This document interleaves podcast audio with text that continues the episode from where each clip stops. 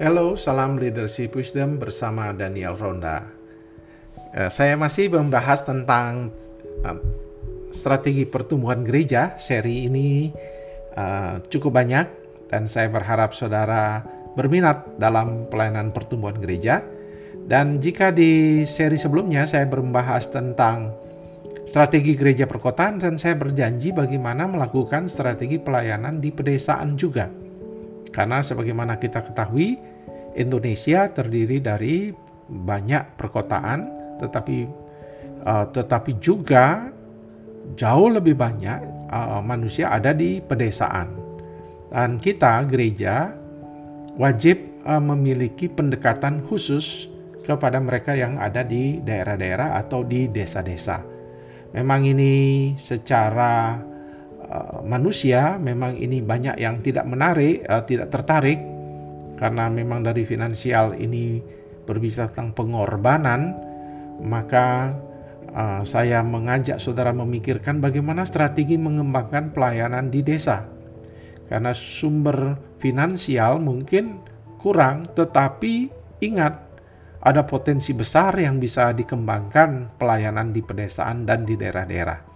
Apalagi gereja kami, misalnya gereja saya, 70-an persen lebih ada di perkota, uh, ada di pedesaan dan di daerah-daerah dan ini menjadi suatu strategi yang perlu kita pikirkan bagaimana mengembangkan pelayanan di uh, pedesaan.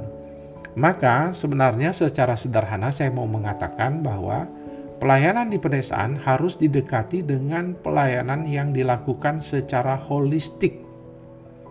Apa itu artinya holistic ministry? Pelayanan holistik, pelayanan yang di mana ketika saudara membagikan kabar baik, berita Injil, haruslah dengan perkataan dan perbuatan. Nah, itu artinya holistik, menyeluruh. Jadi bukan hanya membawa Injil keselamatan lewat kata kita, lewat kehidupan kita, tetapi juga lewat perbuatan. Itu sebabnya ketika gereja tiba menanam gereja di pedesaan, maka gereja bukan hanya berbicara tentang berbicara di mimbar tiap hari Minggu, mengajak jemaat untuk beribadah, berdoa dan seterusnya, tetapi melakukan tindakan-tindakan, perbuatan-perbuatan yang membuat gereja itu berdampak bagi komunitasnya. Misalnya dengan di dalam masa pandemi ini gereja terus mengembangkan pelatihan pertanian. Mungkin mereka adalah seorang petani, kebun dan sebagainya, orang yang bekerja di kebun, peternak dan sebagainya. Tetapi kita bisa mengembangkan pelayanan pertanian lebih maksimal lagi, pelayanan perkebunan dan peternakan lebih banyak lagi. Jadi bisa bisa membuat kelompok-kelompok doa berdasarkan kelompok-kelompok tani. Saya menemukan itu di Kalimantan eh, Utara dan Kalimantan Timur ada kelompok-kelompok tani berdasarkan uh, kelompok tani yang uh, jemaat mereka membuat kelompok-kelompok tani. Nah, itu bagus sekali. Dan kalau itu terus dikembangkan, maka kita bisa mendatangkan orang-orang dari perkotaan bagaimana mengembangkan peternakan, mengembangkan secara uh, mengembangkan sayuran dan juga pertanian dan perkebunan lebih baik lagi. Gereja harus bergerak. Gereja tidak hanya membahas hal rohani, gereja harus bertindak secara sosial untuk community development dan pengembangan itu. Bukan hanya itu, bukan hanya berbicara tentang tindakan-tindakan uh, lain adalah mungkin tentang kesehatan, cara hidup bersih. Saya pergi ke desa-desa masih banyak gereja yang uh, jemaat-jemaatnya minta maaf, BAB, MCK semuanya di sungai dan sungai itu sudah tercemar, kotor, maka gereja harus bertindak.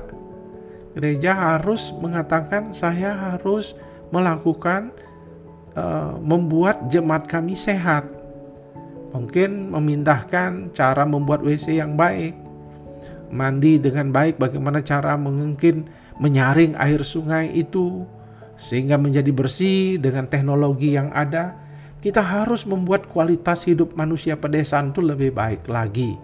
Jadi jangan biarkan kebiasaan lama membuang sampah di sungai dan seterusnya kita biarkan. Gereja tidak ngomong, gereja tidak bicara tentang lingkungan, gereja tidak bicara kesehatan, gereja tidak bicara itu. Itu bukan pendekatan yang Tuhan kehendaki.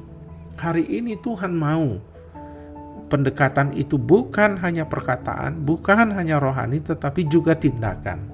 Dan itu yang harus dilakukan. Belum lagi uh, edukasi hukum, edukasi hak-hak adat, dan sebagainya.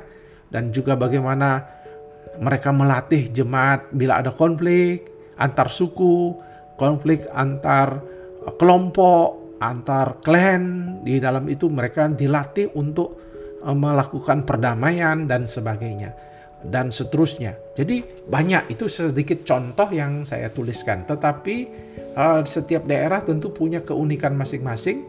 Yang penting gereja pendekatannya waktu pelayanan itu harus holistik. Pendekatan kata dan perbuatan itu seharusnya berjalan bersama-sama. Hal yang kedua dalam pelayanan pedesaan, dalam pelayanan di daerah-daerah, termasuk sampai ke daerah terpencil, pelayanan holistik itu haruslah tidak ada antara yang melayani dan yang dilayani itu haruslah menyatu. Artinya bahwa saudara dan saya ketika kita melayani di pedesaan, kita harus menyatu dengan mereka, kita membangun relasi yang akrab dan jangka panjang agar timbul kepercayaan banyak yang kami alami ketika gereja menempatkan orang di pedesaan hanya sementara, sehingga tidak terjadi sesuatu relasi yang kuat. Nah, saya berharap bahwa ketika saudara menaruh seseorang di pedesaan, cukup dengan waktu mereka bisa memaksimalkan potensi pengembangan itu, sehingga relasi dengan jemaat, relasi dengan yang dilayani itu cukup panjang, sehingga mereka bisa memaksimalkan uh, peranan uh, peranan hubungan itu dalam membangun desa mereka.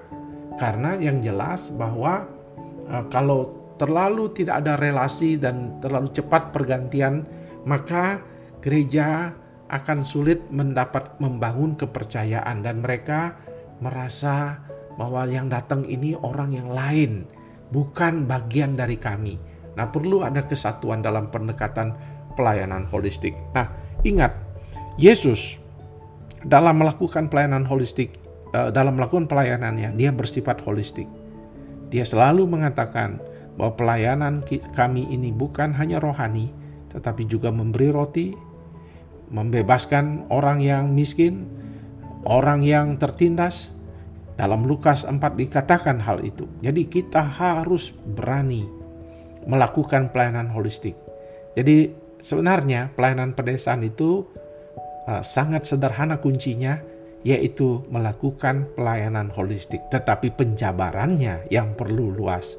Hanya saya ingin menekankan di sini secara teologis, pelayanan holistik itu alkitabiah. Jadi jangan sampai ada pandangan pelayanan holistik itu tidak alkitabiah dan mengatakan hanya mimbar saja di desa, hanya di gereja saja, itu tugas gereja. Nanti kami di dunia urusan kami. Itu salah pendekatannya. Pendekatan kita sekarang gereja haruslah holistik sifatnya. Nah, ini tolong diperhatikan oleh para pemimpin, pemimpin yang banyak jemaatnya ada di desa-desa dan di daerah-daerah. Tuhan kiranya memberkati apa yang saya katakan ini.